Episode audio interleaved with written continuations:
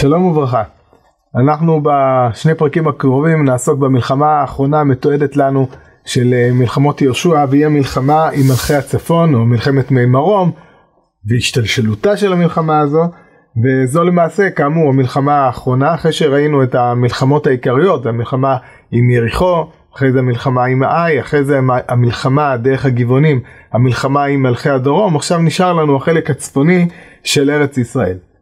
ויהי כשמו יבין מלך חצור וישלח אל יובב מלך מדון ואל מלך שמרון ואל מלך אכשף ואל המלכים אשר מצפון בעם ובערבה נגב כנרות ובשפלה ובנפות דור מים הכנענים ממזרח ומים והאמורי והחיטי והפריזי והיבוסי בהר והחיבי תחת חרמון בארץ המצפה המצפה ויצאו הם וכל מחנה ממם עם רב כחול אשר על שפת הים לרוב וסוס ורכב רב מאוד אם כן יש לנו פה פתיחה אני בכוונה קראתי את כל הפסוקים האלה יש לנו פה פתיחה מאוד מאוד מאוד מאוד דרמטית יש פה התכנסות זה לא כמו שראינו במלחמה הקודמת שהיו חמישה מלכים זה ממש מבחינת מוסיף והולך אה, יש פה מלחמה שהיא מקבצת בתוכה מלכים רבים הוא מזכיר פה אמנם מוזכרים פה יבין מלך חצור יובב מלך מדון מלך שמעון מלך עכשיו מוזכרים פה ארבעה מלכים אבל מעבר להם מוספים עוד אל המלכים אשר מצפון בהר. בקיצור יש פה מלחמת עולם, כל המלכים, התאגדות של כל המלכים שב, שבחלק הצפוני של ארץ ישראל, וגם בפעם הראשונה גם מוזכר לנו שהמלכים האלה, עוצמה, העוצמה הצבאית שלהם, עם רב כחול אשר על שפת הים לרוב, כן מזכיר לנו כחול אשר על שפת הים זה ביטוי שמתברך בו אברהם בקשר לצאצאיו ואנחנו רואים פה וסוס והרכב רב מאוד. בקיצור יש לנו פה פתיחה מאוד מאוד מאיימת פתיחה מאוד מאוד אה, דרמטית לקראת המלחמה הזו. יש פה שאלה אחת שהיא לא כל כך ברורה פה בהתחלה הדברים מתחילים ויהי כשמוע יבין מלך חצור וכמו וישמע יתרו אנחנו רוצים לשאול מה שמועה שמע ובא? גם כאן השאלה הגדולה מה הוא שמע? הדבר הזה הוא לא כל כך ברור כי אנחנו עוקבים כשאנחנו עוקבים בפתיחות של הפרקים בפתיחות של הפרשיות בספר יהושע אנחנו יכולים לראות שיש משמעות גדולה לשמיעה הזאת. בדרך כלל בכל המקומות כולם ברוב המקומות מיד נזכיר את החריג בזה אנחנו רואים שמה שמעו כמו ניקח דוגמא את מלחמת אה, את המלחמה עם מלכי הדרום אז אנחנו רואים ויהי כשמוע אדוני צדק מלך ירושלים כי לחד יהושע את העי ויחרימה. כאשר עשה ליריחו למלכה כן עשה לעי ולמלכה וכי השלימו יושבי גבעון את ישראל והיו בקרבם. בקיצור הוא שומע מתואר לנו מה בדיוק הוא שומע. גם אותו דבר אנחנו ראינו שיושבי גבעון שמעו את אשר עשה יהושע ליריחו ולעי ואנחנו רואים אחרי זה שהשמיעה הזאת שומעים אותה גם אנשי יריחו אז השמיעה הזאת היא שמיעה מאוד מאוד משמעותית השמיעה שאנחנו שומעים אותה. לעומת זאת כשאנחנו מסתכלים יש מקום אחד שאנחנו רואים שיש לנו שמיעה שלא כתוב מה הם שמעו וזה בסוף אה, הסיפור של הר עיבל ויהי כשמוע כל המלכים אשר בעבר הירדן באו בשפלה וכל חוף הים הגדול אל מול הלבנון החיטי האמורי הכנעני הפריזי החיבי והיבוסי והתקבצו יחדם להילחם ישוב עם ישראל פה אחד. אז כאן אנחנו רואים שלא מוזכרת לנו מה הם שמעו. בזמנו אנחנו פירשנו שהם שמעו הם שמעו שעם ישראל עושה איזשהו משהו בתנועה לצפון השאלה מה קורה בפרק שלנו כי גם בפרק שלנו בניגוד לכל המקומות שבהם מוזכר מה בדיוק השמועה ואי המניע אנחנו רואים שבפרק שלנו ויהי כשמוע לא כתוב מה הם שמעו אז אפשר לבוא ולהגיד אפשר לבוא ולהגיד שמדובר פה באמת בשמיעה של כל המרועים שהיו קודם לכן. אפשר גם להבין משהו אחר וזה מתקשר לשאלה נוספת. בסוף הפרק י' סיימנו בעובדה שוישוב יהושע וכל ישראל עמו אל למחנה הגלגלה ואנחנו רואים פה שיש התקבצות של מלכי הצפון ובסופו של דבר המלחמה תהיה בימי מרום. אין שום היגיון לבוא ולטעון שעם ישראל נמצא בגלגל והם מתקבצים למלחמה בימי מרום. מי מרום זה נמצא בצפון, באזור עמק יזרעאל, באזורים האלה, זה לא המקום שאפשר להילחם עם עם ישראל שנמצא בגלגל ליד יריחו. זה נראה משהו מאוד מאוד מאוד רחוק ולכן יש להניח פה שיש איזושהי התקדמות, אני אומר אין לזה שום בסיס, שום רמז מעבר לדברים האלה, שיש איזושהי התקדמות של עם ישראל לכיוון הצפון, אולי במגמה כן להתחיל את כיבושי הצפון, דבר שהוא גורם להתאגדות יחד של, הוא גורם להתאגדות יחד של המלכים האלה של המלכים הצפונים. בכל מקרה המלכים האלה יש להם סוס ורכב רב מאוד, יש להם עם ככל שעל שפת הים לרוב, יש שם את כל התנאים להצליח במלחמה ובפרט במלחמה הזאת תהיה מלחמה שתהיה בשטח שהוא מתאים לתנועת רכב.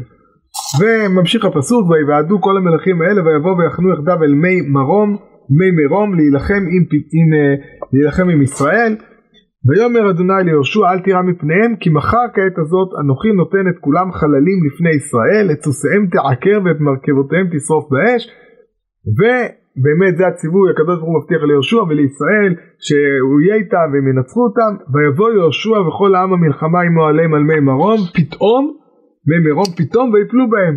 ויתנם אדוני בעד ישראל ויקום וירדפו מצידון רבה ועד משרפות מים ועד בקעת מצפה המזרחה ויקום עד בלתי השאיר להם שריד. ויעש להם יהושע כאשר אמר לו אדוני תעשה מקרב ואת מרכבותיהם שרף באש. אז שוב אנחנו רואים שיש פה עניין של ההבטחה האלוקית. מצד שני במישור האנושי יש פה את התחבולה. כמו שראינו שיהושע עשה ביחס למלכי הדרום. ההגעה פתאום שזה משהו שהוא לא מצפים לו הם כנראה תכננו איזושהי פשיטה על המקומות בהם נמצאים ישראל והם באים פתאום אליהם פתאום במקומות שבהם הם מתקבצים במקום ההתקבצות שלהם ובאמת הם מצליחים לנצח אותם בצורה מאוד מאוד מוחלטת לא משאירים להם שריד.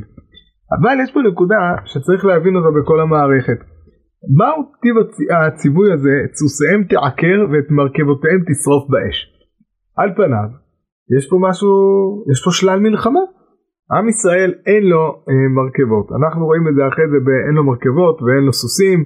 אנחנו יכולים לראות את הדברים האלה אחרי זה במלחמות נוספות אם נדבר על המלחמה של אה, בנחל קישון מלחמה בעמק יזרעאל של דבורה וברק אה, אנחנו יכולים לראות את התופעה הזאת שעם ישראל הוא מוגבל מהבחינה הזאת. אז הנה יש לנו פה הזדמנות. אפשר לקחת פה שלל מלחמה מרכבות סוסים זה כלי מלחמה זה טנקים. זה הכלים שבהם אה, אפשר אחרי זה לשכלל את העוצמה הצבאית ואפשר על ידי זה להשיג הישגים צבאיים יותר, יותר גדולים. אז למה יש פה ציווי לעקר את הסוסים ולשרוף את המרכבות באש? זה, זה לא אקט מורלי כמו שיש ב, לדוגמה בסמלים של מדינה או על ידי הריגת המלכים או משהו מעין זה. מדובר פה על פניו באיזשהו משהו שהוא קצת אה, בל תשחית, קצת איזשהו בזבוז מסוים, אז מה טיב הציווי הזה? נראה שיש פה אה, דבר מאוד משמעותי למלחמות יהושע. יהושע בעצם לא זקוק למרכבות ולסוסים. כשיש לך כלי לחימה משוכללים, הדבר הזה הוא עשוי להיות גם אה, להוות סכנה. הוא יכול להוות סכנה שיהיה מחשבה שהכוח שלנו נובע מהסוסים והמרכבות. הכוח של עם ישראל, של צבאות ישראל, צבאות יהושע, לא נובע מסוסים ומרכבות. הכוח של עם ישראל נובע מהעובדה שהשם איתם, מהעובדה שהם כולם כאיש אחד, השם איתם, הם תחת יהושע, הם הולכים כאשר ציווה השם לעשות אותם. ואם אנחנו עכשיו אה, נשתמש בסוסים ובמרכבות ואנחנו נתחיל להיות עובדי אלילים של הסוסים והמרכבות האלה, הדבר הזה הוא דבר מאוד מסוכן. לא סתם המלך הצטווה לא להרבות לו סוס, וטוב שם הטעם מוזכר שלא לא ישב את העם מצרימה, אבל יש פה איזו סכנה מאוד מאוד גדולה בהשתעבדות לכלים, לאמצעים, לאמצע, לכלי הלחימה.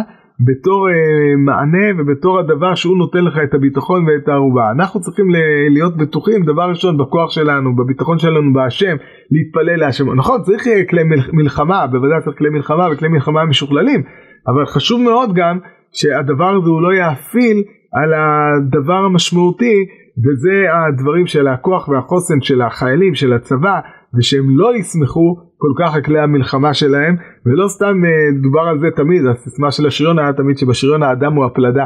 כי האדם שמאחורי הכלים הוא הדבר המשמעותי. ונראה שבגלל הסיבה הזאת יש פה איזשהו ציווי לעם ישראל אל תתחילו להשתעבד לדברים הללו. יש סכנה מאוד גדולה שהצבא מתחיל להשתעבד לכלי מלחמה ולאמצעים טכנולוגיים ולכל מיני דברים ובעצם הוא שוכח שהעיקר זה הרוח שיש uh, בצבא והרוח של הצבא, הרוח של החיילים, הרוח של לוחמים, האמונה שלהם, הקישור להשם, הסיוע שמקבלים מהקדוש ברוך הוא הם בסופו של דבר הם המרכיב המרכזי והמשמעותי בתהליך הלחימה. ואז באמת הכלי המלחמה יכולים להיות גם איזשהו אמצעי אה, מועיל. ונראה שבמלחמות האלה המטרה היא באמת להראות לעם ישראל שאתם לא זקוקים לדברים האלה ולכן תישארו כמו שאתם תישארו בלחימה ככולם ביחד ותחת אה, כצבאות השם תחת הנהגת יהושע ובזה אתם משיגים את ההישגים שלכם.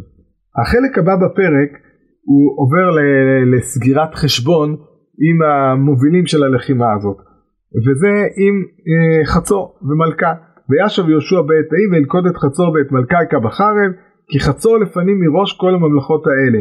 אז צריך לשים לב לנקודה החשובה הזאת שהמלכים שהם אה, המלכים שהם אה, יוצרים את הלחימה, מובילים את הלחימה נגד יהושע, אז באמת מוזכר שהם מכים בהם, כמו שראינו אצל חמשת המלכים בירושלים, ושאר המלכים מוזכרים כמו שראינו אצל יריחו, זה מוזכר אגב יריחו והעיל, אין הזכרה מיוחדת של ההריגה של המלך, כי המלך שם הוא בעצם הוא לא היה, עשה פעולה נגד יהושע, אלא הוא היה חלק אה, שלו, כחלק מהמאבק עם הממלכה שלו. ואחרי זה מה שנעשה בחצור, ויכו את כל הנפש אשר בא, לפי חרב, החרם, לא נותר כל נשמה ואת חצור שרף באש. ואת כל ערי המלכים האלה ואת כל מלכיהם לחד יהושע ויקם לפי חרב החרים אותם כאשר ציווה משה עבד אדוני. רק כל הערים עמדות על תילם לא שרפם ישראל זולתי את חצור לבדה שרף יהושע וכל שלל הערים האלה והבהמה בזזו להם בני ישראל רק את כל האדם היכו לפי חרב עד השמידם אותם לא השאיר כל נשמה כאשר ציווה אדוני את משה עבדו כן ציווה משה את יהושע וכן עשה יהושע לא הסיר דבר מכל אשר ציווה אדוני את משה. אה, אז אם כן אנחנו רואים פה זה בעצם הסיום של המלחמה עם אה, מלכי הצפון אחרי זה בהמשך הפרק הוא כבר עוסק באיזה משהו הרבה יותר סיכום כללי כזה שכבר כולל את כל המלחמות יהושע.